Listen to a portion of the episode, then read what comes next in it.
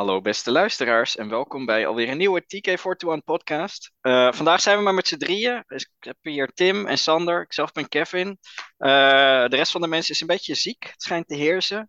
Uh, maar we moeten het toch even hebben over de laatste zes afleveringen van Endor. Vorige keer hebben we het over de eerste zes gehad en wat elementen die daarin voorkwamen. En uh, ik denk dat we niet te lang moesten wachten om uh, ook de rest te bespreken, nu dat ze allemaal te bezien zijn op Disney+.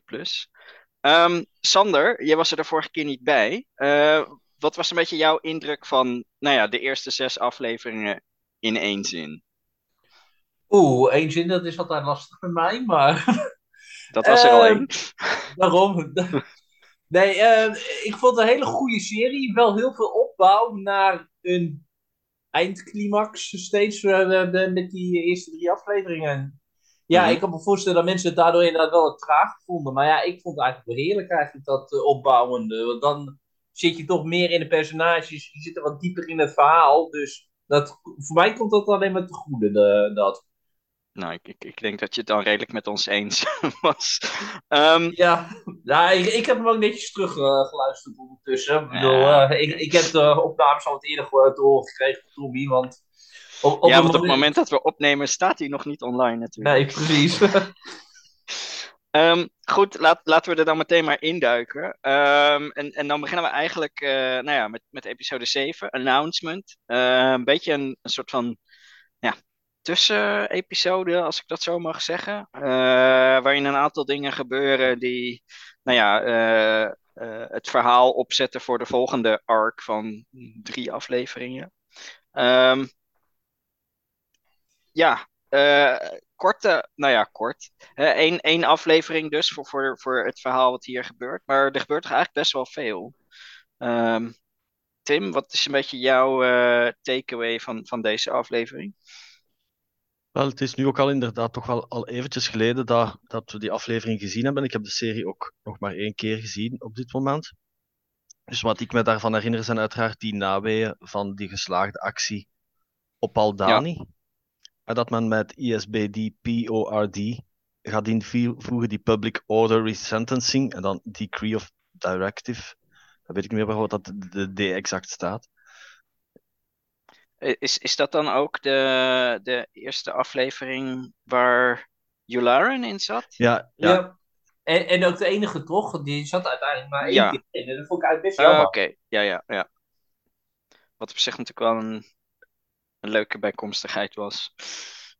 Ja, heel, heel leuk. Want uiteindelijk is, is Jularen ook... Uh, hij staat nu ook in het, in het uh, nieuwste TK Photo One magazine. Mm -hmm al met, met, een, met een profielschets. En uiteindelijk komt hij van een anonieme background personage uit een Nieuwe Hoop.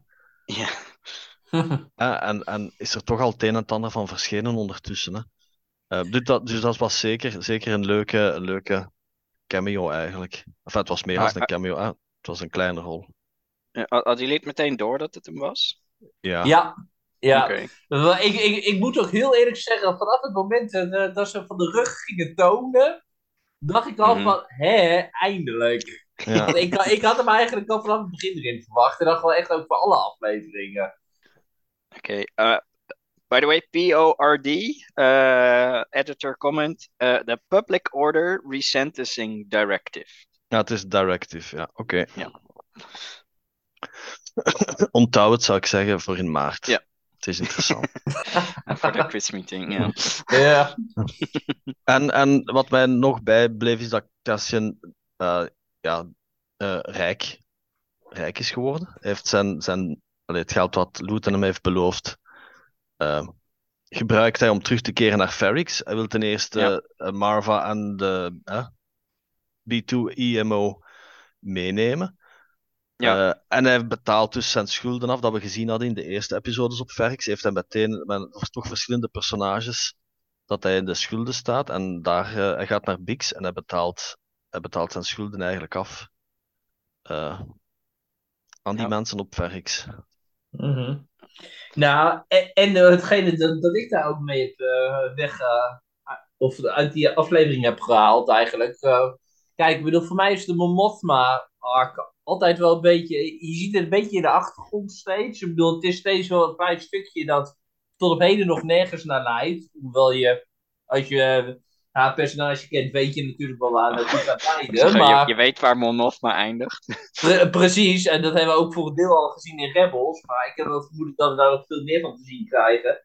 Maar aflevering 7 was ook de eerste keer dat uh, T. Colma erin zat, haar jeugdvriend. Ja. En, uh, en dat ze echt, uh, echt helemaal de financiën goed probeert de, voor elkaar te regelen nou, voor de aankomende rebellion. Ja, die is bankier. Dus, ja, dat is de bankier inderdaad. Oude jeugdvriend en bankier. Nou ja, dat is altijd handig om te hebben in dit soort gevallen. Mm -hmm. Ja, en dan niet te vergeten dat Cyril uh, ook uh, aan de slag gaat in zijn uh, nou ja, nieuwe fantastische job bij de Bureau of Standards. wat een nogal deprimerende cubicle zitting was. ja. En ja, wat mij vooral opviel op het einde van de episode, was eigenlijk zowel Cyril als Cassian gevangen zitten. Ja, want ja. Cassian trekt dan naar Niamos, daar kunnen we misschien zelfs nog iets over zetten. Hij wordt dan onterecht gearresteerd. Ja. Cassian zit dan uh, letterlijk gevangen, maar Cyril zit eigenlijk figuurlijk gevangen, omdat hem daar, ja, die, een van die duizenden uh, ja. cubicles moet, moet werken aan fuel purity. Uh, dus dat, vond ik, dat vond ik wel heel, heel mooi gedaan aan die episode. Ja. Ik, wat ik, wat, um, en, en, en dit is misschien omdat ik natuurlijk wel een beetje meer met de aliens in de achtergrond bezig ben geweest. Stiekem. Um, wat, waar nogal discussie over was, uh, online zag ik in een van die cubicles zit dus een, nou ja, een figuur met een blauwe of een grijze huid en een soort lichtgevende bril op. Uh, was dit jullie ook opgevallen? Nee, totaal niet, niet eigenlijk. Hè, dus het, het lijkt net of je een soort van lichtgevende ogen hebt. En mensen zeiden, ah, het is een chis, het is een chis. Maar ik denk niet dat dat zo is. Um, uh, want hij had geen rode ogen. Het was meer een soort gele, uh, lichtgevende bril had hij op. Maar het was heel duidelijk, had een grijze huid. Of ja, blauw misschien. Het is een beetje, het is een beetje in de achtergrond. Maar als je kijkt, hij komt een paar keer, als ze zo rondlopen, zie je hem zitten. Uh... Oh, dat, nou, dat is dan wel iets om op te letten nog. Want in principe, bedoel, ik weet niet of jullie de vorige podcast dat ook uitgebreid hebben behandeld. Maar het is een beetje een, een gebrek aan aliens, uh, vind ik, in de serie. Dus ja, nou ja daar, hebben, daar hebben we het dus al even over gehad, inderdaad. Hè? Maar dat komt voornamelijk omdat. Uh, nou ja, we hebben nu twee planeten gezien waar nou ja, wat mensen wonen en verder niet echt heel veel aliens. En voornamelijk de nou ja, scènes in, in de uh, ISB, waar ja, nou ja, precies, logischerwijs ook geen aliens aanwezig zijn. Hè? En dan gaan we natuurlijk nu in de komende afleveringen naar de gevangenis toe, waar mensen al gescheiden werden op welke planeet ze vanaf kwamen. Hè? Dus het lijkt me ook niet logisch dat ze dan mensen en aliens bij elkaar in één gevangenis gaan stoppen. Alleen uh, want op, waarschijnlijk, uh, ja. Ja, op, op Niamos, daar zien we wel een Ja. aantal aliens, een aantal grappige aliens zitten. Ja, en die, die trouwens grotendeels allemaal nieuw waren ook. Dus dat is wel grappig dat ze toch weer een hoop nieuwe Ja. aliens hebben gecreëerd die je alleen dan even zo op één planeet voorbij ziet komen. En dat ze die niet meteen ook al op alle Coruscant of zo in de achtergrond hebben gestopt. Die vond ik wel grappig. Dus op een bepaald moment zo precies zo drie oudere. Drie van die Eh, oude vrouwtjes of zo. Ja, ja. Precies zoals in, in Blankenberg, was in Florida. Ja. ja. ja. Of die, die een alien die de Jerry kan spelen is met zijn cybernetic been of wat is het? Ja, die dat houten de Jarek spel aan het spelen zijn. Ja, uit, ja. eh, dat is ook uit Rogue One. eh, Ja. ja, klopt. want dat is ze bij de, die, die gasten van Saw Gerrera waren dat aan het spelen. Ja. Nou ja, en ik moet zeggen, we- sowieso heel Niamos. Daar, ja, kijk, ik bedoel, de mensen die me kennen, ik heb toeristisch management gestudeerd. Ik, ik, ik werk in een hotel, dus ja, om nou gewoon Florida in space te zien, met een strand, ja, ik vond het heerlijk wat dat betreft. Ik bedoel, Ja. ik had echt, echt ook nog zoiets van, eh, ik zou daar op zich wel eh, willen zitten. Waren het niet dat, dat het gewoon is gefilmd op een hele koud Engels strandje, maar... Ja, plus, plus we leren ook nog iets, iets meer over, over Clea. Eh, dat zij toch echt wel wat actiever is in, in nou ja, ik weet niet, kunnen we dit al de Rebel Alliance noemen? Of in ieder geval de cel waarin ze opereren en, en, niet zomaar alleen de shopassistent is van, van Lupin. Ja. dus er komen toch wel wat aardige dingetjes zo voorbij in zo'n zo'n tussenaflevering. Ja, dat was goed, meer zo. Dus, ja, ja dat, was, dat was meer zo'n een episode waar zo de losse eindjes ja. Nog even worden vastgeschroefd. Ja. Want nou ja, die, goed, die, en het, ja. die, die, de, de K-X-Droid is misschien ook wel interessant op Niamos. Ja, nou ja, daar wou ik naartoe gaan, inderdaad. Ja, sorry. ja, doe maar. Nou ja, het was inderdaad dus, hè, en dan, het, het eindigt met hij, eh, nou ja, hij gaat naar een winkel en eh, ja, hij komt net op het verkeerde moment op de verkeerde plek en eh, ja, dan komt inderdaad, eh, nou ja, het is niet, niet K2SO, hè, maar inderdaad zo'n soort gelijke droid eh, op hem af. En eh, ja, zo grappig om te zien. Ik ben ook benieuwd of, of, of, of we iets van K2SO in het volgende seizoen gaan zien. Oh, zeker. Dat, dat moet bijna wel. Ja, nou, ik ga er 100% ervan uit dat ze de eerste ontmoeting laten zien van K2 en Cassian. Ja, dat zal wel. Nu, het, het, het ironische eigenlijk daarvan is, Cassian wordt onterecht gearresteerd, Ja, wat een gevolg is van zijn acties op Aldani, hè, want door dat PORD zijn alles Ja. straffen worden eigenlijk heel veel, veel, veel strenger. Dus Ja. ja, hij is eigenlijk het, het slachtoffer van zijn eigen acties. Hè. ja, ja, plus hij wordt dus gearresteerd voor iets randoms. En, en ze weten eigenlijk niet dat hij Cassian is, want hij, hij heeft natuurlijk eh, Ja. nog een valse naam ook. Eh, dus, maar ja, goed, hè, dus dan, we, gaan, we gaan langzaam door eh, uiteindelijk in, in, in de volgende drie afleveringen, die zich grotendeels eh, op eh Narkina 5 afspelen. Ja. Nou, Kina Eh, ja. En nou ja, misschien interessant om, om daar eventjes nou ja, bij stil te staan. Want ondanks dat het nou ja, voor het grootste gedeelte in twee witte steriele ruimtes plaatsvindt, gebeurt er toch wel het een en ander. Hè, we zien ehm, wat bekende acteurs en wat bekende personages eh, voorbij Ja. komen. Althans, in ieder geval één, één bekend personage. Eh, dat vond ik wel eh, interessant om te zien. Ja. Dus hij wordt, hij wordt afgescheept naar Narkina, eh, waar hij in een of andere fabriekshal terechtkomt. Eh, op een of ander platform omgeven door water. Dus het is, lijkt ook niet echt een, een gevangenis waar heel makkelijk uit te ontsnappen is.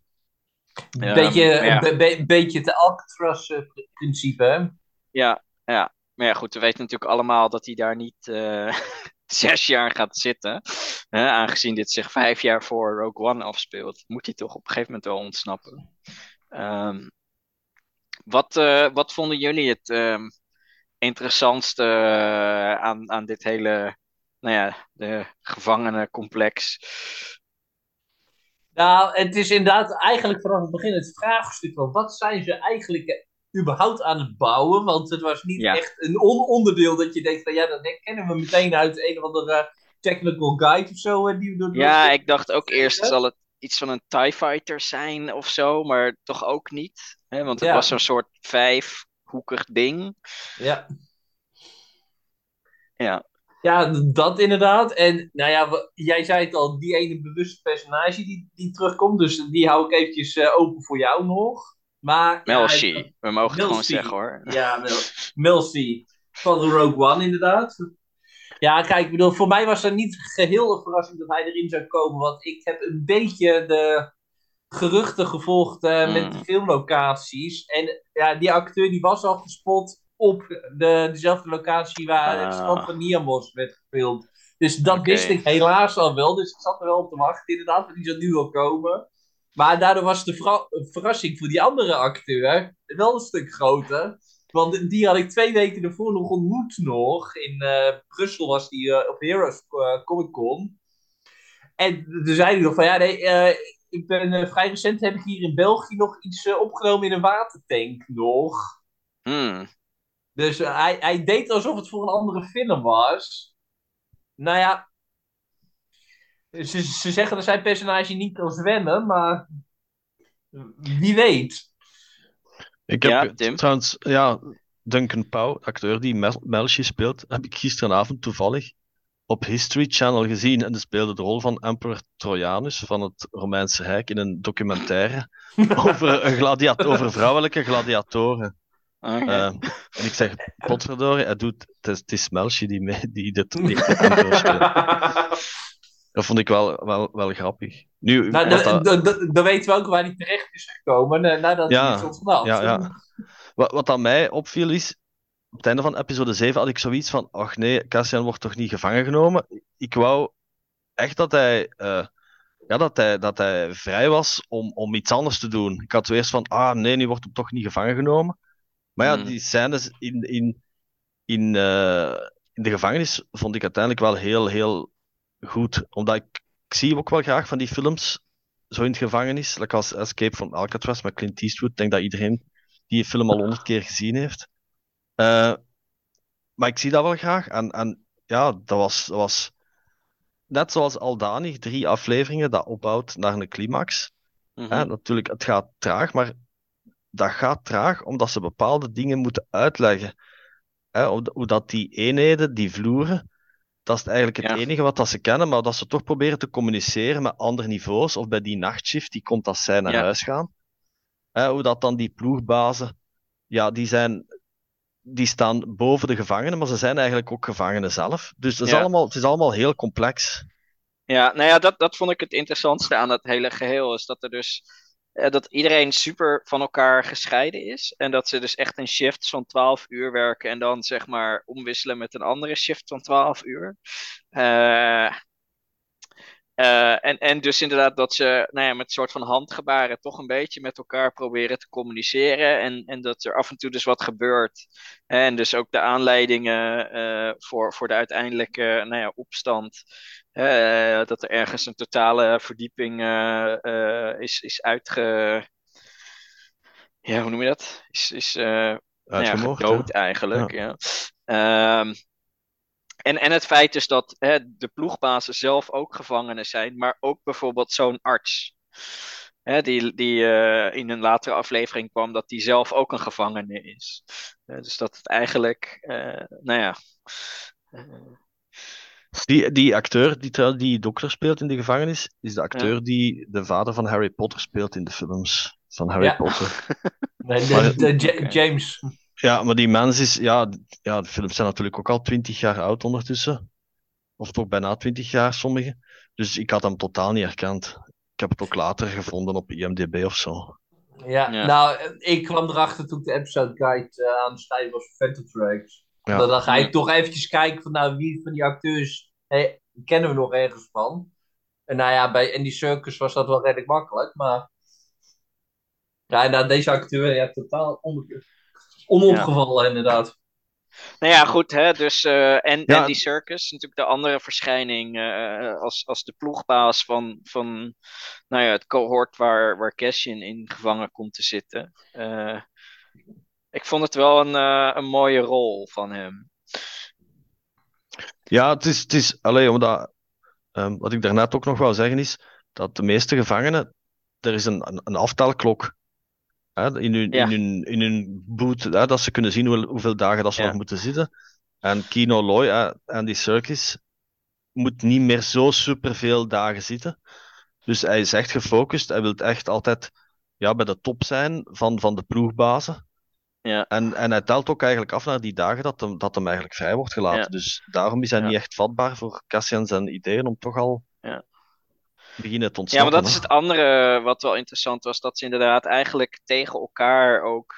Hè, dus dat, dat het bijna een wedstrijd is wie het hardst slavenarbeid doet. Die, eh, nou ja, die wordt niet gefrituurd, zeg maar, op de vloer die onder stroom staat. Dus ik weet niet of het een hele, nou ja, ik weet niet of het een wedstrijd moet noemen, maar meer een. eh, ik viel niet echt iets te winnen. Ja, behalve dat je eh, geen stroom door je voeten heen krijgt. Ja, ze kregen, ze kregen smaak bij hun eten of zo. Oh, uit die- ja. Uit die gruel die uit die een darm komt, daar. Ja, ja Kregen dat ze eten smaak wat ze uit zo? zo'n zo'n buis moeten zagen. Ja. Ja. Ja, wat, wat ik ook wel ehm, grappig vond, en dat, dat, was, dat was een comment die ik ergens voorbij zag komen over dat, hè, nu natuurlijk, we hebben die gevangenis nu gezien. Eh, en, en dat iemand maakte de opmerking van hè, dat eh, die, eh, die, die trip eh, voor, eh, voor 5000 dollar die je kunt maken in dat, eh, in dat ruimteschip bij Disney Park in Amerika. Dat je kamer meer lijkt op de gevangenis van, van, van Narkina 5 dan op het appartement van Mon Mothma. Dus dat vond ik ook wel een mooie. Nou, en, en, en het hele erg is, dat klopt eigenlijk ook nog wel, ja, als je dat ja, ziet. ja, zo twee is- van die plaatjes naast elkaar. Ja, ik vond Dat het is wel grappig. inderdaad. Ehm, maar ja, goed. eh, ondertussen gebeuren natuurlijk ook nog wel andere dingen. Hè? Eh, nou ja, de, de, de Prison Break die, die komende is, daar hebben we het nog wel even over. Maar eh, ook buiten de gevangenis gebeuren er nog wel zaken. Ehm, nou ja, Mon, Mon Mothma heeft ondertussen nog steeds problemen met, met die financiën. Ehm, maar Luthen gaat ook nog wat rond. en komt onder andere bij Saul Guerrera, die we ook kennen uit Rogue One. eh, terecht. Eh, Ja, is Saw Gerrera ondertussen dan niet het personage dat in het meest verschillende series en films is verschenen? Dat eh, zit, Clone dat Wars, zit- Rebels. Bad Batch. de, oh, de, de, Andor. de- de Jedi Fallen Order. Ja, maar dat was even Ja, nee, games. no, no, dat is ook gedaan door Forrest Whitaker. Ja, ja, maar eh, Dus, echt dat- series ja, en films, hè.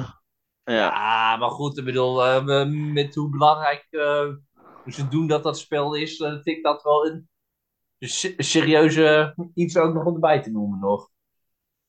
Maar wat Ja. ik me dan ga afvragen, zullen ze voor Forrest Whitaker, ik bedoel, die zal altijd ook, ook in seizoen 2 wel terugkomen, zul- zullen ze laten zien hoe hij zijn been kwijt is geraakt? Dat, denk, dat kan, dat kan, maar ik denk ja, niet dat dat het- echt een must is, maar het kan natuurlijk. Nou ja, dan ben ik wel benieuwd hoe ze dat doen, Disney Plus. ja, ik weet niet. Zal, zal hij een grote rol spelen in het, in het tweede seizoen? Hij hoeft er zelfs niet per se in te komen voor, maar Nee. Nee, Ik vermoed- niet, maar... ik vermoed dat hij er nog wel gaat inkomen, Ja, omdat ze, alleen dat, de, zijn relatie met, met de Rebel Alliance wordt al uitgelegd in Rebels, hè, waarom dat Ja. ze niet meer samenwerken. Maar misschien dat er wel nog een missie, want ja, eerst in Rebels werkte hij wel nog samen, hè, die missie op Geonosis. Toen werkte hij wel nog met hen samen. Maar daarna Mhm. dan niet meer, dus misschien dat er wel ergens eh, kan naar verwezen worden of, of dat, ja, dat Ja. hij effectief nog meedoet. Hè. Ja. Alhoewel, alhoewel ehm Cassian mag, mag Saw Gerrera eigenlijk niet, of sowieso niet goed. hè? Nee, want anders zouden ze Ginny hebben nodig gehad in Rogue One. Oh, nou ja, daar zat ik ook net aan te ja. denken. Want eh, het is niet dat ze in Rogue One eh, vrienden of zo met elkaar zijn. Nee, ze kennen elkaar niet, want hebben, ze hebben Ginny echt nodig voor bij Saw Gerrera binnen te geraken. Maar ja, goed, dit is natuurlijk wel een beetje het idee hè, van de Rebel Alliance met al die cellen die elkaar eigenlijk niet kennen. Eh, en ik weet niet, volgens mij was dit ook in die aflevering dat inderdaad, hè, toen Luthen en Saul aan het, aan het discussiëren waren, dat Saul een aantal van die andere groeperingen opnoemde. Eh, Ja. wat ik ook altijd wel grappig vond. Ik ken al die namen niet herhalen, maar inderdaad van, oh ja, die en die en die en die. Eh, dus er zijn wel een hoop.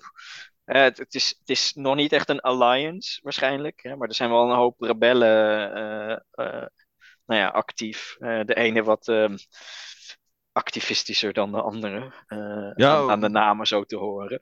We, we mogen niet vergeten dat Andor zich in hetzelfde jaar afspeelt als het eerste seizoen van Rebels. Ja. En de Rebels cel op Lothal, ja, dat was ook een cel, maar ja, die waren maar met, met zes. Ja. Eh, Klopt. En dat is dan, zij zijn dan later samen gaan met de Phoenix Squadron, en dat zal ook zo zijn met die andere cellen. Dus Ja. die, die, die proto-Rebels, eh, ik vind dat wel, wel een heel interessant gegeven. Mhm. Eh, omdat dat, dat al veel vroeger eh, is gestart, dat we onder andere konden zien in Obi-Wan Kenobi. En Ja. met de paad. Ja. Dus die, zijn er, die proto-rebels zijn er altijd al geweest.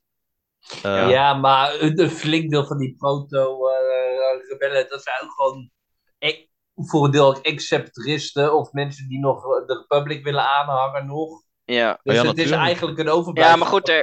Eh, er, er, er is ook nog niet echt een hogere structuur natuurlijk. Want eh, eh, veel mensen als, als die senators, die zijn natuurlijk nog niet openlijk Nee. rebellen. Nee, joh, dus en, het, ontbreekt, dat, het ontbreekt nog een beetje aan, aan een officiële structuur. Hè? Dus er, er gebeuren wel een hoop acties her en der. eh, nou ja, eh, Mhm. ja, echt van die, die guerrilla eh, dingen. Meer dan dat het een, een, een, een één front vormt. klopt.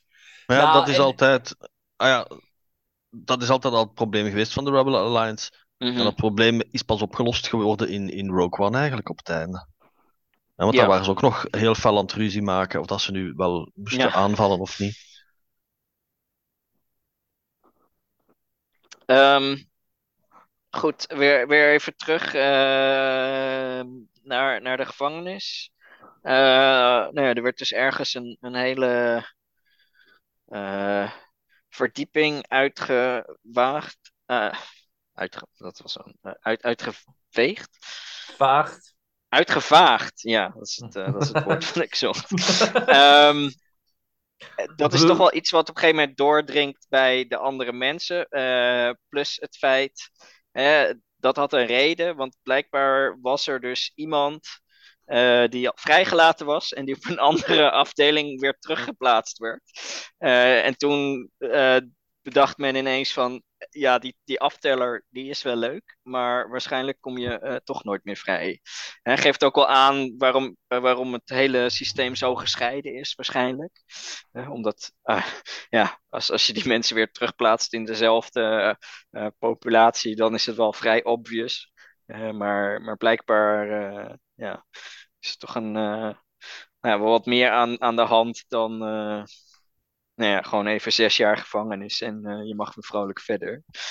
Ehm, en dat is uiteindelijk ook, denk ik, eh, waarmee eh, Cassian toch weet door te dringen tot Kino. Ja, want dat was voor het mooiste aan het eind van die, wat is het, aflevering 9, van, hè, dat hij nog voor de zoveelste keer vraagt hè, hoeveel, eh, hoeveel bewakers zijn er op elke eh, afdeling en dat hij dan no more than seven, wat was het? Wel, Zoiets. denk ik. Ja, Ja, oké, het ja. meer precies.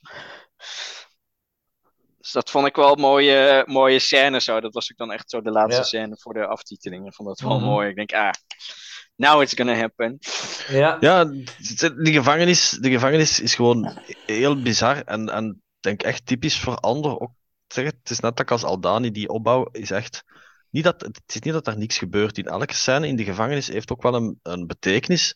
En, en het, het leven wordt daar echt ongelooflijk goed geschetst. Eh, Mhm. Nou, maar- maar toch gebeuren er dingen. En, nou, en, en dan niet alleen. Het is eigenlijk voor het eerst dat we openlijk zien dat Cassian opstand pleegt. Want voor eh Aldani en alles, daar heeft hij alleen maar voor geld gedaan steeds, voor eigen gewin. Ja, natuurlijk, nu had hij ook wel eigen gewin van, eh, ik, wil, ik wil weg. Hij wil uit de gevangenis. Dus, Eh, Precies, maar in principe... dus nee, ik ga, alleen, ik ga alleen meedoen met de prison break als je me voor betaalt. Want, Ja, nee, maar dan nog, het is wel voor het eerst dat hij een groep leidt, de inspiratie is tot een groep aanzetten om wat Ja. reuring te schoppen. Ja, plus, plus er gebeurt nu natuurlijk eh een, een van zijn teamleden overlijdt. Eh, en dat is dus waar ook waar we die dokter eh, Ja. leren kennen, die, nou ja, die, die wat informatie heeft. die, die bracht volgens mij die informatie over het feit dat er iemand was teruggeplaatst. Ehm, en dat geeft dus ook een soort van, nou ja, aanleiding, of dat is een, een moment eh, waarop ze met de prison break aan de gang kunnen gaan. Eh, want ze moeten natuurlijk wel zorgen dat het liftje naar beneden komt. Eh, want anders kunnen ze dus nooit weg. Want dat is ook het andere grappige. Het is echt, zeg maar. Ja, gewoon ook bijna. Het was fysiek ook onmogelijk om te ontsnappen. Want ze zitten eigenlijk gewoon in een soort eh, kelder gedonderd. Zonder trap naar buiten. Klopt. Ja, en het was echt de dood van Olaf inderdaad, eh, die, die dat eh, al, alles in gang kon zetten inderdaad. Ja, het belangrijkste ook was dat Cassian altijd, als hij naar het toilet ging, dat hij altijd met die vuil al op voorhand bezig was met die, met die buis door te zagen. Ja. Ja. Waarvan En- ook niet helemaal duidelijk was van wat is hij nou in hemelsnaam aan het doen. Nee, tot maar dat was uiteindelijk ja. dus de, de waterpijp. Eh, wat natuurlijk, ja, inderdaad, als je een vloer hebt die onder stroom kan staan en je zet het vol met water, dat is waarschijnlijk niet de beste combinatie. Dus dat eh, was ook wel eh, een, een leuk detail, dat ze dat toch wel elke keer lieten zien. Dat hij probeerde toch als een malle die buis door te zagen met een of andere botte vijl of zo. Ehm, maar je eigenlijk geen idee had wat hij nou precies aan het doen was. Ik denk ook, ook wat we ook zeker niet mogen vergeten te vermelden, is dat die scènes op Narkina 5 ook wel wat deden denken aan THX 1138. Ja. Met Vooral die witte, door- steriele... Ja, door die witte en inderdaad die hele coole eh, omgeving eigenlijk.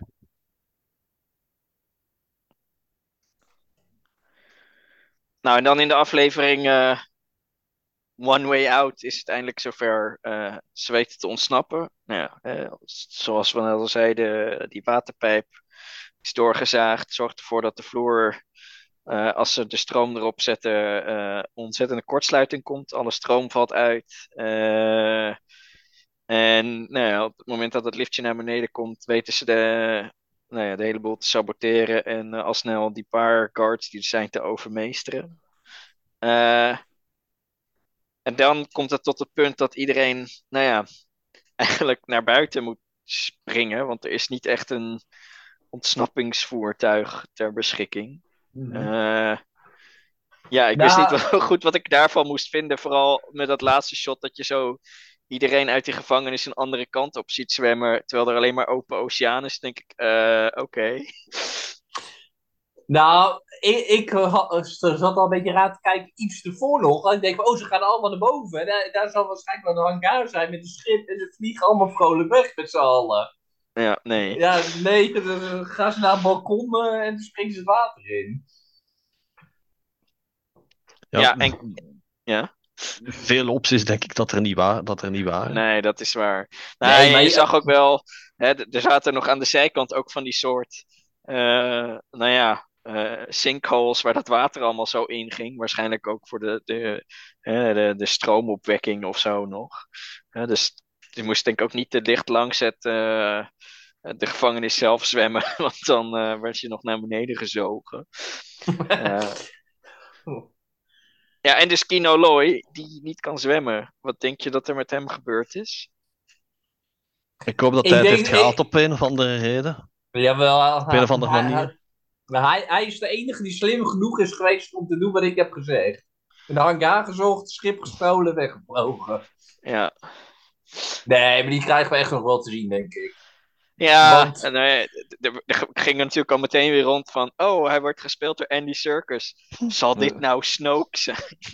Ja, moest ik wel weer even lachen. Volgens mij was dat ook meer als grap bedoeld dan daadwerkelijk een serieuze theorie, maar je weet het tegenwoordig ook maar niet. We nee, nou ja, hopen. ik wou zeggen. La, laten we het daarop hopen, inderdaad. Maar ik vond wel dat die Tony Gilroy, de, de bedenker, eh, regisseur van de serie, die heeft eh, wel, die, daar hebben ze de vraag op Twitter gesteld van, joh, is die dood? Nou, hij zei van, nou ja, ik heb geen lijk gezien, dus... Oh, oké. Ja, dus eh, ik ga er wel vanuit dat, dat, dat eh, daar nog wel wat mee wordt gedaan nog. Ja. Nou ja, en plus hij was natuurlijk, hè, hij, hij, hij gaf de speech, eh, waarbij hij ook wel zei van, hè, als je iemand ziet die hulp nodig heeft, help die persoon dan. Ja, want Cassian had hem waarschijnlijk wel geholpen, maar hij werd zelf meegeduwd, meegesleurd eigenlijk. Hè? Ja, het was inderdaad een soort, eh, hè, als een soort lemmings eh, die Ja.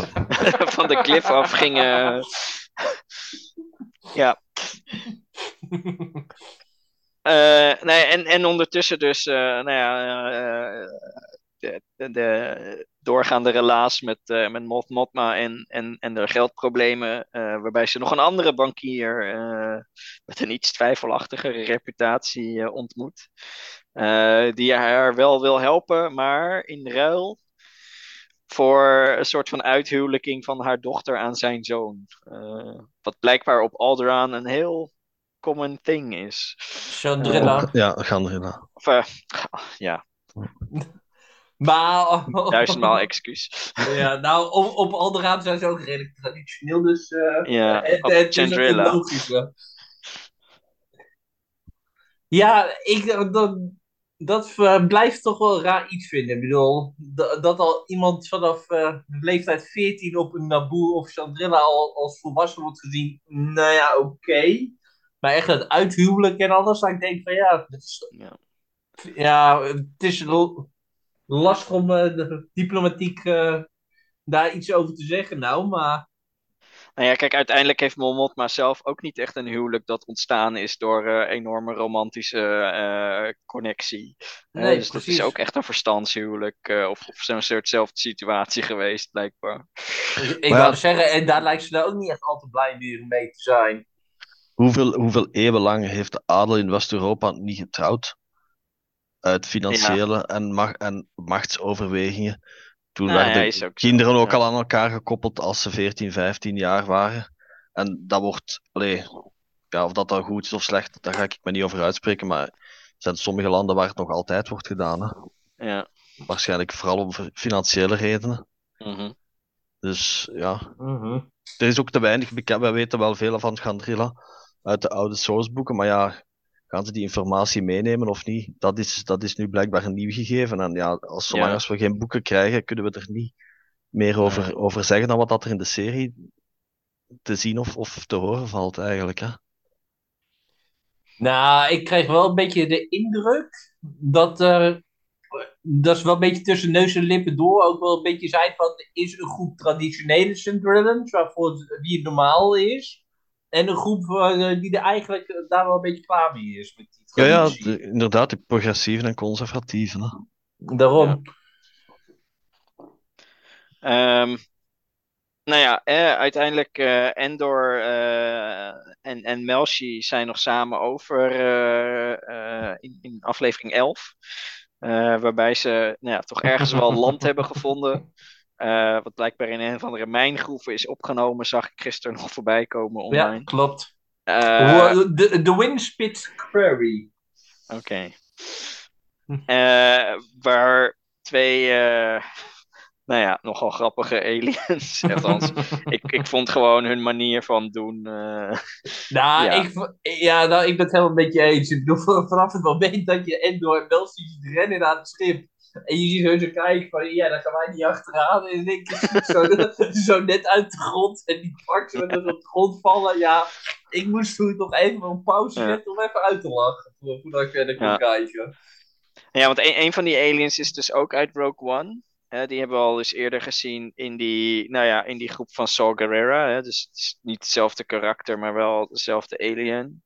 Uh, die ander zal ongetwijfeld nieuw zijn geweest. Nou, hij is niet helemaal nieuw. Dat was ook een personage of een alien ras oorspronkelijk gepland voor Rogue One, maar die niet gebruikt is. Ja, nou ja, ik moet ook wel zeggen, hij voldeed ook wel een beetje aan een omgeving die ik ooit heb gehad van een van de creature performers voor een alien uit Solo, die niet onscreen te zien was.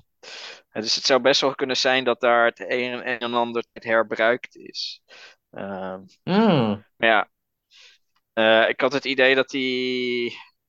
Uh, ja. Toch ook wel op de een of andere manier. Uh, nou ja, die ene in ieder geval, die was aan alle kanten verbouwd natuurlijk. Had een, een ijzeren plaat op zijn hoofd en een, een, een zwaard als hand, wat me nogal praktisch lijkt. Nou ja, vertel dat maar tegen alle piraten die een haak hadden voorhand. Ja. ja. Nou ja, maar veel vies moet snijden. Ja. Het, het, het, het, deed me ook wel een beetje denken aan uh, die aliens uit, uh, uit de oude Clone Wars cartoon. Hè, die zo helemaal verbouwd zijn. Uh, als oh, een soort ja! Vechten, oh. ja, de Nelvanians. Ja, Nelvanians, ja. God, die dan ook allemaal nou ja, wapens aan hun handen krijgen en weet ik veel wat. Um... dus ja, daar deed het mij gewoon aan denken. Ja. het, zal, het zal er los van staan. Um... Ja, en, en hun schip, ze hebben dus een quadjumper. Dat vond ik ook wel grappig om die weer eens te zien. Nou, om hem nou eens een keertje te zien hoe die ook echt vliegt.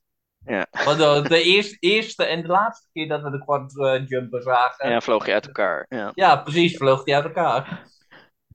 En wat de theorie ook zou moeten aantonen dat Niamos dicht bij Narkina 5 ligt, want de quadjumper, allee, een, een normale quadjumper heeft niet zo heel veel sterke hyperdrive.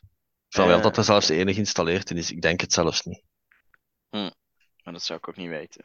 Want dat is, een quadjumper is eigenlijk een, een, een space tuig. Die moet eigenlijk cargo naar, ja, in orbit brengen van planeten en zo. Maar zullen ze met die quadjumper van de planeet af zijn gekomen of meer naar de bewoonde wereld zijn toegevlogen? Ja, dat kan En ook. daar gewoon op de, op de Starliner gestapt. Maar dan in de retrospect maakt dat wel een beetje de ontsnapping van Finn en Ray wel een beetje belachelijk. Dan rennen ze naar het schip waar ze niet ver mee kunnen komen. Ja, Ja, Maar ja, en, en, en dat, eh, ik bedoel, dat Finn dat niet weet, oké. Ik bedoel, die is andere schepen gewend. Maar Ray had Maar- op dat moment ja, een aardige kennis van schepen. maar quadjumpers zijn wel highly modifiable, dus voor hetzelfde geld ja. zat er wel een hyperdrive in. Ja. En dan, en dan ergens anders eh, eh, hebben we een andere ontsnapping. Hè, van, eh, hoe, hoe heet de planeet? Segra... Sekra Milo. Segra Milo? Hallo. Ehm, waar, nou ja, Luthen dus nog met eh Saul een beetje heeft zitten babbelen. Eh, en dat is toch daar dat hij dat, hij dat spacefight heeft? Eh, ja, dat klopt inderdaad. Ja, want hij eh, sprak met eh Saul Guerrera op de planeet. Dan ging daarna de Ja. ruimte in. En eh, toen werd hij inderdaad door een patro patrouilleschip eh geheeld van... Hé, hey, wat ben jij hier aan het doen?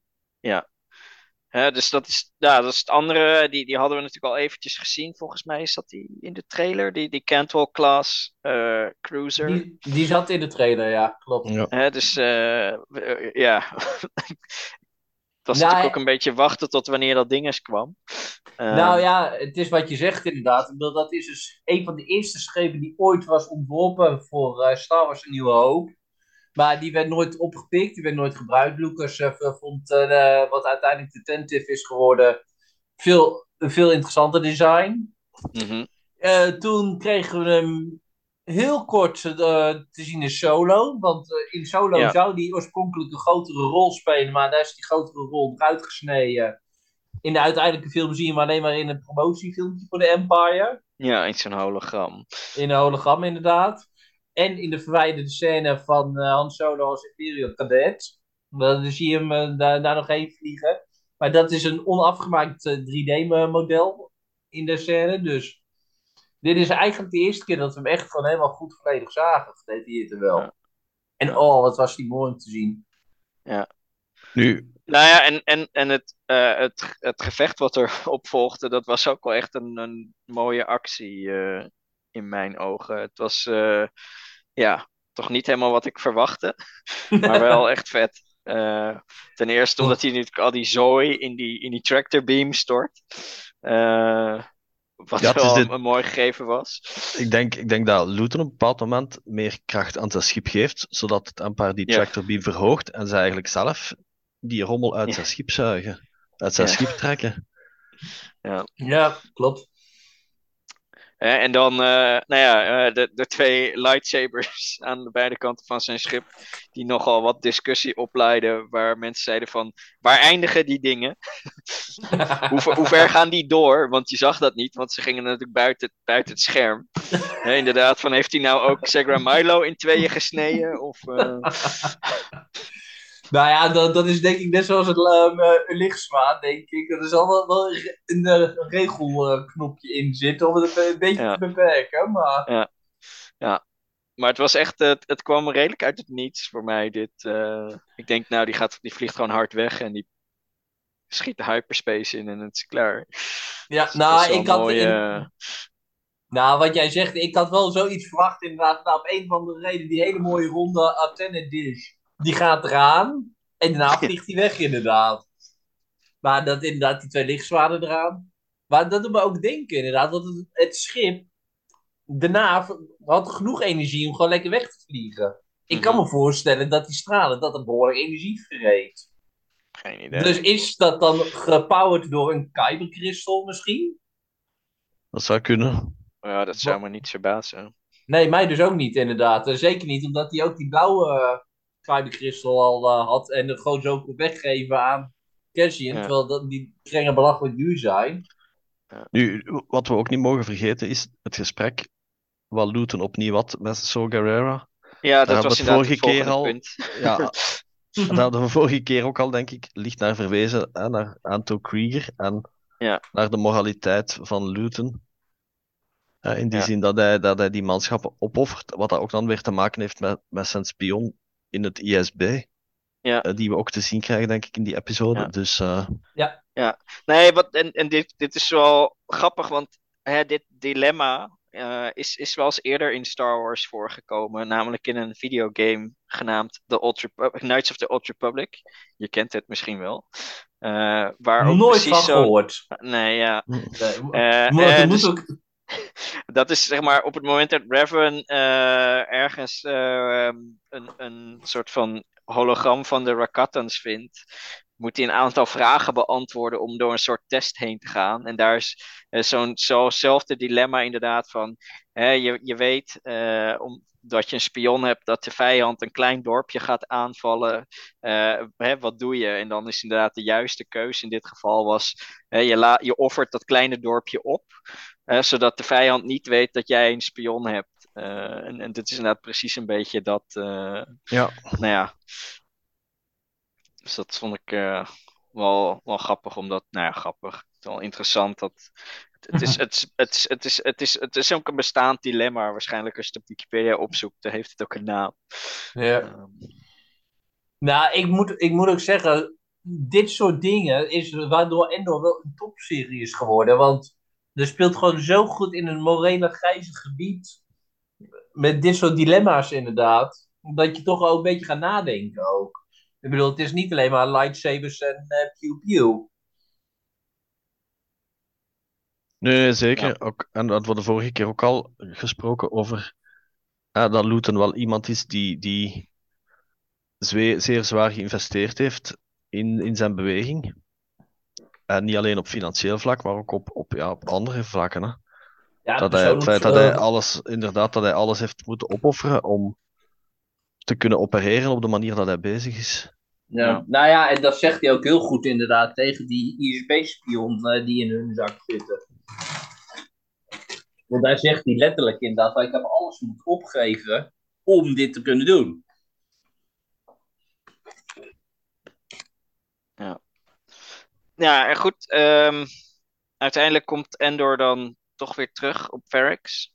Want hij heeft via via dus wel gehoord eh, dat Marva is overleden. Eh, en hij weet natuurlijk ook wel eh, dat, nou ja, dat de Empire daar aanwezig is en, en dat ze dat als ultieme kans zien om hem in de val te lokken. Eh, toch gaat hij heen. Slimme keus. Waarschijnlijk niet, maar, maar ja. Eh, Het is een begrijpelijke keuze, laat het Ja. daarop houden. Ja, En ja, hij weet, hij weet ook nog, nog niet dat zowel Sinta, Vel en, en Luton daar ook zijn en die hem eigenlijk ook uit Ja. de weg, die hem ook uit de weg willen ruimen. ja oh, dat ook nog inderdaad. Ja. Ehm, Ja. Maar ja, we hadden ook al in de eerste episodes gezien dat de mensen op Ferrix wel degelijk heel fel aan elkaar hangen. mhm.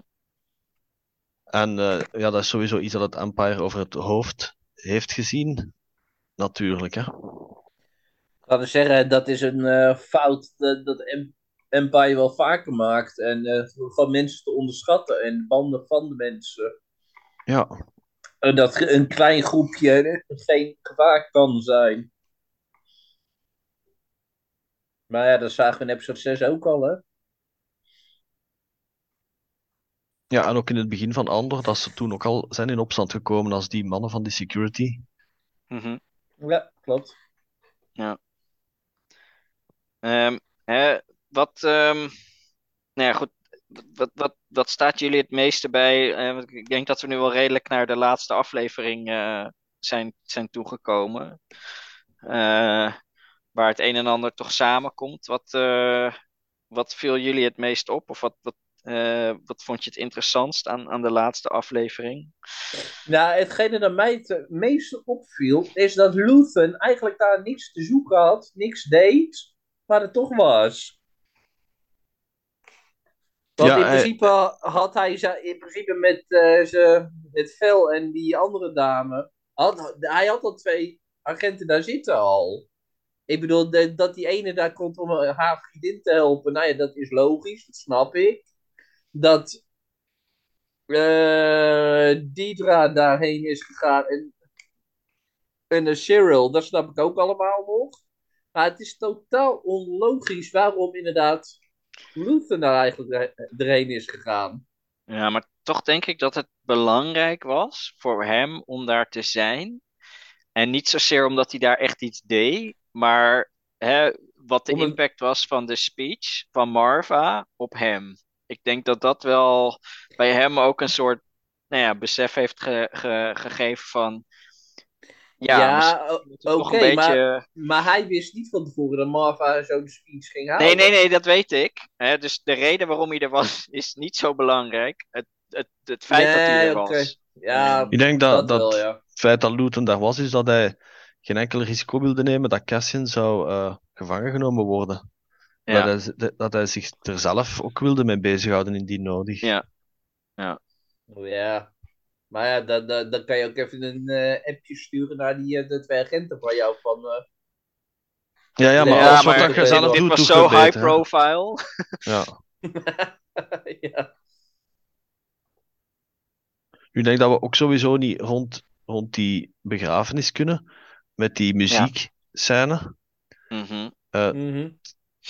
Het is nogal vroeger gebeurd hè, dat muziek een, een hele belangrijke rol speelt in een climax. Denk Ja. bijvoorbeeld aan The Man Who Knew Too Much van, van Hitchcock. Dat er een bepaald, voor de mensen die hem nog niet gezien hebben en die hem willen zien, gaan we even nu oren toe. Op een bepaald moment Hey, wordt er... hey, wacht Ja. even, ik doe even mijn koptelefoontje uit. Ik ken hem Ja, nog. je moet hem eigenlijk al lang gezien hebben. Het is een goede film. Er wordt eigenlijk een moordaanslag gepleegd. En op een bepaald moment dat ze eigenlijk op een gong of op een trommel slagen, is de bedoeling dat het schot afgaat. Ja. Dus het is eigenlijk weer heel goed dat de muziek wordt gebruikt. En ook deed mij eigenlijk ook denken aan, aan Les Miserables, waar dat de opstand eigenlijk ook begint eh, tijdens, tijdens die begrafenis en tijdens die plechtigheid eh, van die generaal. Dus daarmee, daarmee, daaraan deed het mij eigenlijk ook denken. Goed, ik ben er weer. Ik vond wel ehm, de speech van, van Marva wel echt een van de nou ja, interessantere eh, momenten van de hele serie. Want eh, zij, nou ja, ze zegt feitelijk van eh hey, eh, ga eens een beetje rebelleren. Ehm, eh, het is inderdaad, eh, this is your new reality. eh doet er Wake wat up. aan. Ja. En Ja, ik, ze was er al- dat zeg ik, hè. Ik, ik denk dat het ook voor Luthen een belangrijk moment is geweest, wat, wat voor hem ook een soort turning point wordt. Ja, en het zal mij niks verbazen dat dit voor Luthen dan eigenlijk dan dus de keerpunt wordt om het misschien samen met Mon Mothma en Bill, om het allemaal wat meer gestructureerder te willen krijgen alles.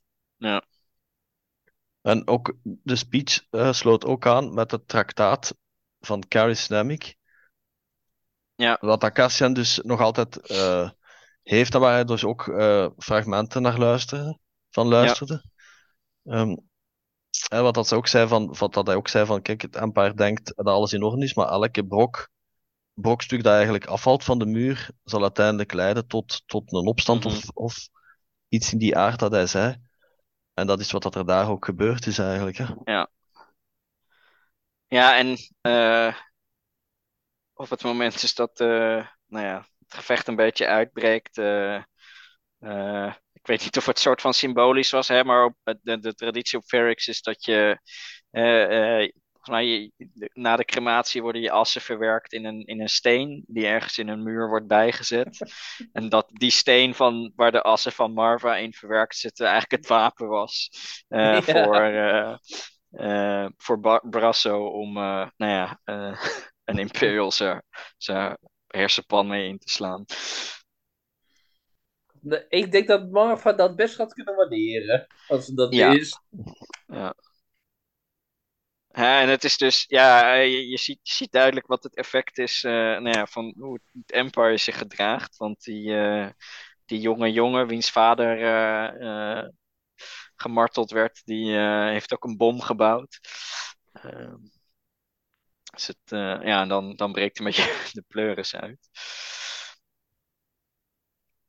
Maar goed, buiten dat eh, gebeuren er nog wel een aantal andere eh, dingetjes in deze aflevering die wel interessant zijn. Eh, een van de nou ja, vermoedens die al liep, die bevestigd wordt, is ook dat die chauffeur van Mon Mothma dus een ISB-spion is. Ja. Die ook mooi is zo van, hé, eh, we willen privacy en dat hij dan precies wat knopje drukt om juist wel mee te gaan luisteren. Maar denken wij dat eh, Perrin, heeft hij echt een eh, gokprobleempje? Of is dit inderdaad alleen maar Mon Mothma's excuus om te zeggen van, eh Ja. daardoor ben ik mijn geld kwijt? Nou ja, kijk, je weet natuurlijk, Mon Mothma heeft wel door dat ze bespioneerd wordt. Hè, en ze verdenkt ook haar chauffeur er wel van. Eh, dus ze zou een beetje een, een, een, ja, ze zou niet heel slim zijn als ze dan in die auto dat gaat zitten bespreken. Hè. Dus ze weet het ook al op zo'n manier te verwoorden. eh, dat er eigenlijk, nou ja, eh, ze zegt niet van, hé, hey, ik, eh, ik ben alle geld aan de Rebel Alliance aan het geven. En daardoor hebben we een geldprobleem, zeg maar. Dat zou een beetje een, een domme actie zijn. Nee, het is op een hele, hele subtiele manier dat ze het eigenlijk zegt. Hè. Ja, Mhm. Moest Maar er dat- moest er ooit verder op, moest het Empire er ooit verder op ingaan of het ISB, dan, dan hebben ze misschien zoiets van, ah ja, misschien kan het daaraan Ja. gekoppeld worden of zo, dat ze toch niet te ver zouden zoeken. Nee, oké, maar er moet er nog wel, denk ik, nog wel een zekere kern van waarheid in zitten. Wel, als Perrin bekend staat als een squeaky clean good guy, dan denk je van als je hoort van, oh, hij heeft eh, gokproblemen, nou, dat kan niet waar maar hij maakte, hij maakte wel tripjes naar Kento Bight, toch? Ik bedoel, dus er zit wel ergens een kern van waarheid in. Ja, misschien vroeger. Hè. En eh, ja, dus ook, eh, het werd net al even genoemd, Sander, je zei het al, eh eh, eh, Deidra en, en eh, Cyril Cyril. zijn ook allebei. En eh, het lijkt er heel even op dat zij eh, nou ja, vertrapt wordt door de massa. ehm, maar uiteindelijk wordt ze dan toch gered van Cyril, eh, door Cyril. Eh, wat, wat vonden jullie daarvan? Ik vond het een beetje een, ja, ik weet niet, toch een beetje anticlimax moment. Ja, nou ja, goed, dat ze gered werd, dat zat er wel dik in, inderdaad. Ja, ja, nou ja, ik bedoel, ik had ik dacht die wordt opgeknoopt. Ja, nee, ik had wel nog wel mijn geld erop gezet dat zij nog wel in seizoen 2 nog wel eh, langskwam. Mm. Want ze zijn haar wel behoorlijk aan het opbouwen qua personage. Ja, ze weet nog steeds niet wie Axis is natuurlijk. Nee, daarom. En dat wordt de drijfveer voor haar voor seizoen 2. U, hetgeen wat dat, allee, wat dat een beetje, ik zeg niet raar was, maar ik had wel verwacht dat een van de belangrijkst, belangrijkere personages zou sneuvelen in de laatste episode. Maar Ja. Zoals Sander zegt, zo overleven het eigenlijk allemaal. Het is eigenlijk altijd opbouwen naar, naar het volgende seizoen. Ja. Nou ja, op een gegeven moment kan niet alleen maar opbouw in zitten. hè, Want het is natuurlijk al, eigenlijk de hele serie is een beetje opbouwend.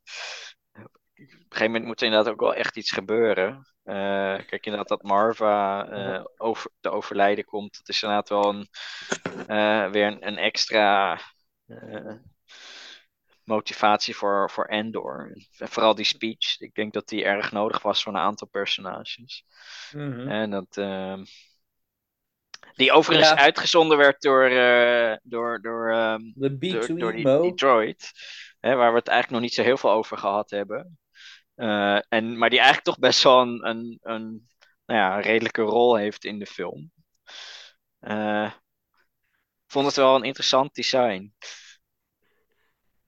Ja, maar is- ik, vraag, ik vraag me vooral ook af, hoe effectief kan dat zijn voor wat dan ook zijn oorspronkelijke functie was? Geen idee. Ik Dus een- Zelfs zelfs de rijdende pedaalemmer, I don't Ja. know, weet je. Eigenlijk ja, is nou, het- ja, eigenlijk is het ze, zo. Ze, ze, ze zeggen een ground mag. Het is een Ja. salvage, een salvage unit. Dus het is een droid maar- die rommel opkuist. Of verwijderd. Ah, oké. Ja, met, met andere woorden, we zitten naar Wall-E te kijken, maar Wall-E heeft armen en eh die Ja. Timo niet. Ja. Ja, Nou ja, ik vind het wel interessant omdat hij, nou, je merkt dat hij oud is. Hè? Hij heeft één, één wiel wat een andere kleur heeft en hij, hij stottert heel erg. Eh, Nou, dat vooral- dat, dat- maar dat is ook leuk. In de flashbacks deed hij dat dus niet. Dan, dan was Nee. hij nog eh, vier kleuren rood aan, eh, aan, aan de wielen inderdaad. Ja. En toen had hij die stotter niet inderdaad. Ik denk dat het ook vooral interessant is dat hij basic praat. Want dat is, laten we Ja. toch meer een, een, ja, een klas eh drie Ja. of vijf droid. En meestal zijn die toch beperkt in hun communicatie. Of, binary inderdaad. ja, eh, inderdaad, droid speak of binary. En hij spreekt gewoon basic. Zij het wel minder, allee, niet echt super, super vlot, maar hij kan het wel. Ja. Ja, nou, en ik, en ik vind het heel aandoenlijk dat hij eigenlijk dus hè, bang is omdat hij dan alleen achterblijft. Eh, omdat, nou ja, omdat hij niet met Cassian meeging en op een gegeven moment gaat Marva dan ook dood. En ja, het is eigenlijk een beetje zielig. Eh, ik had wel echt medelijden met hem. Maar ja, gelukkig kan hij toch mee uiteindelijk. Hè? Ja, ja. Ehm, ja, dan hebben we eigenlijk nog, nog twee dingetjes over. En dat is natuurlijk eh, nou ja, de, de laatste scène ongeveer. Hè? Dat dat nou ja, Cassian wel weet dat, dat Luther hem ook wel uit de weg wil ruimen. Maar dat hij dan toch naar het schip gaat van... eh, eh, je, je, hebt, je hebt een keuze. Eh, je schiet me neer of je neemt me mee. En dus dat is denk ik echt het moment waarop hij, nou ja, een soort van officieel nou ja, bij deze Rebel Cell gaat horen. Ja, ik denk een, een, heel toffe en geschikte scène, omdat Luton op dat moment weet van als Cassian, dat Cassian bereid is gewoon om te sterven. En dat hem voor Ja. de rest niks meer heeft dat hem bindt. En Ja. dat hem daardoor all the way is om, om deel te Ja. nemen aan, aan, zijn, aan zijn plannen.